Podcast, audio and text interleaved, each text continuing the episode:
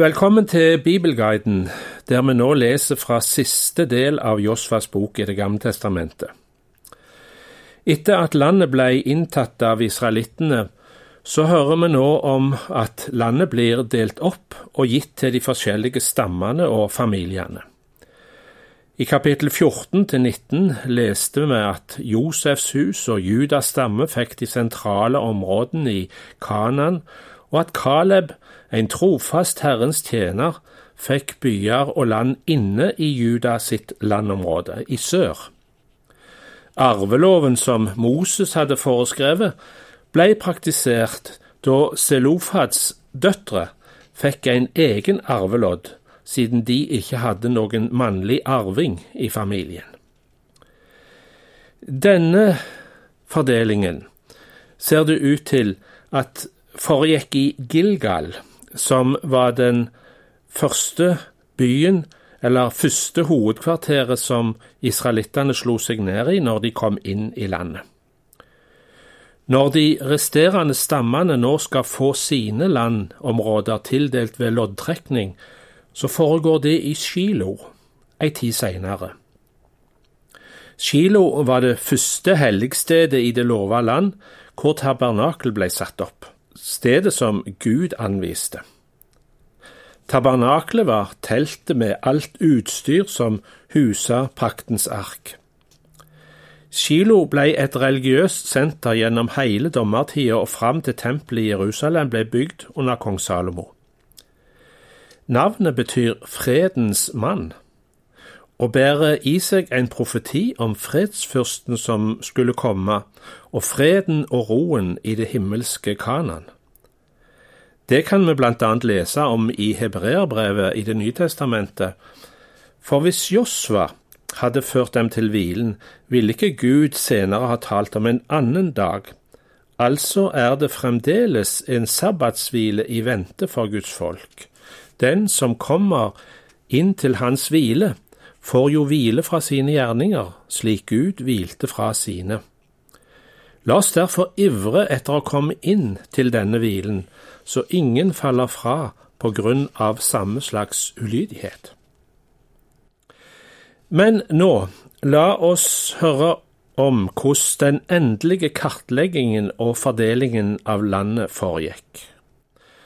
Vi hører Josvas bok, kapittel 18, vers 1–10. Hele Israels menighet samlet seg i Shilo og satte opp telthelligdommen der. Landet omkring var nå underlagt dem. Men sju stammer av israelittene hadde ennå ikke fått sin del av arven. Da sa Josfa til israelittene, Hvor lenge vil dere vente før dere går og inntar det landet som Herren deres fedres Gud har gitt dere?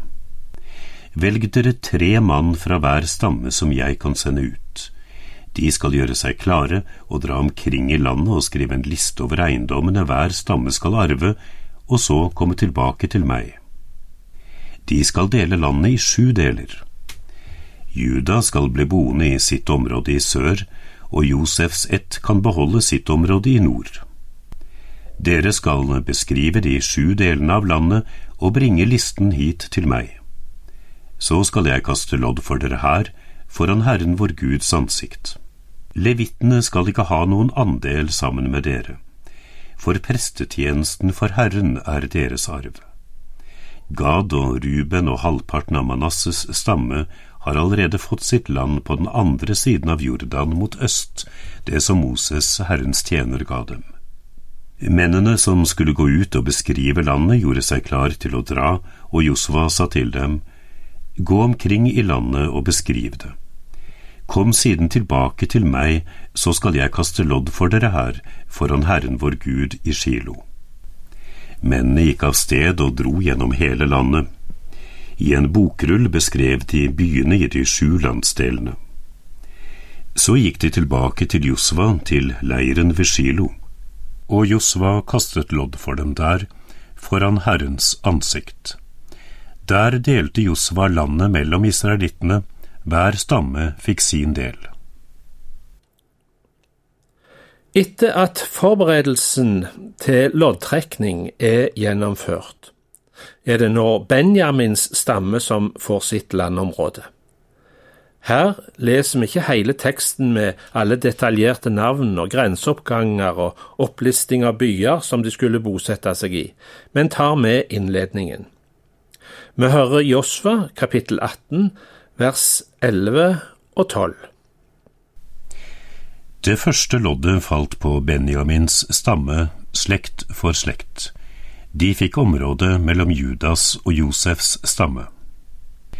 Deres grense mot nord begynte ved Jordan og gikk oppover høydedraget nord for Jeriko og videre vestover fjellet fram til ørkenen ved Betaven. Derfra gikk grensen sørover mot Og slik fortsetter nå lista ut kapittel 18, og avslutter slik. Dette var eiendommene til Benjamins etterkommere, slekt for slekt. I området de fikk, så ligger der blant annet kjente byer som Jerusalem, Jeriko, Betel og Gibeon.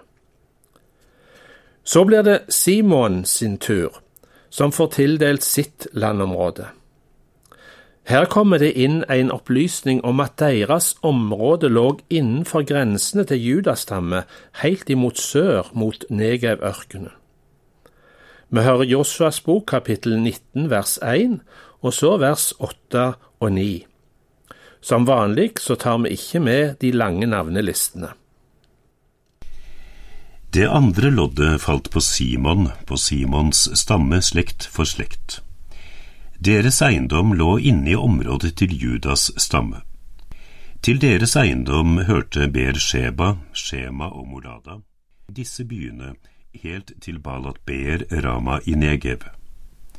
Dette var eiendommen til Simons stamme, slekt for slekt. Deres eiendom var en del av Juda.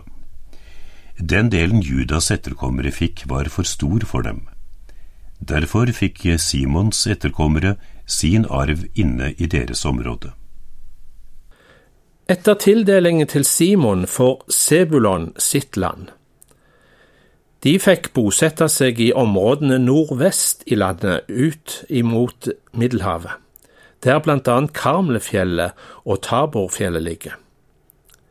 Videre Dissakars, som fikk land sørøst for Sebulon og ned mot Jordanelva, med Israel som den viktigste byen. Asjer stammer for så kystområdet i nordvest fra byen Dår og opp til den befesta byen Tyros. Så videre i kapittel 19 blir Naftali sitt område beskrevet. Det er sjette loddet som falt på deg, og de skulle innta landet vest for Genesaretsjøen. Så kommer tildelingen til Dans stamme. De fikk land vest for Jerusalem og ned mot byen Jaffa ved Middelhavet, men vi hører at landet ble tatt ifra dem. I dommerboka står det mer om denne hendelsen. Det var landets opprinnelige beboere, amorittene, som trengte de opp i fjellene, og området ble for lite for de. Da la de ut på vandring mot nord og inntok byen Leschem, som de ga navnet Dan. Vi leser Josvas bok, kapittel 19, vers 40 til 48. Det sjuende loddet falt på Dan, på Dans stamme, slekt for slekt falt det sjuende loddet. Eiendommen deres omfattet Sora, Eshtaol og Irshemesh, Shalabin, Ayalon og Jitla, Elon, Timna og Ekron, Elteke, Gibbeton og Baalat, Jehud, Beneberak og Gat Mehajarkon, Harakon og området bortimot Jaffa. Men området til Dans etterkommere ble tatt fra dem. Derfor dro de opp og angrep Leshem og inntok byen. De hogg ned innbyggerne med sverd, la byen under seg og bosatte seg der. Og de kalte Leshem for Dan, etter Dan sin stamfar. Dette var eiendommen til Dans stamme, slekt for slekt, disse byene med landsbyene som hørte til. Siste avsnitt i kapittel 19 forteller så hvordan Josfa fikk sin egen by, som han bygde opp og bosatte seg i. Vi hører til slutt i dagens bibelguide Josfas bok kapittel 19 vers 49 til 51. Da israelittene hadde fullført fordelingen av arven område for område, ga det Josva Nuns sønn en eiendom midt iblant seg. Som Herren hadde sagt, ga de ham den byen han ba om, Timnatsera i Efraims fjell. Han gjenreiste byen og bosatte seg der. Dette var eiendommene som prestene Lasar, Josfa Nuns sønn, og familieoverhodene fordelte ved loddkasting til israelittenes stammer i Shilo, for Herrens ansikt ved inngangen til telthelligdommen. Så avsluttet de fordelingen av landet.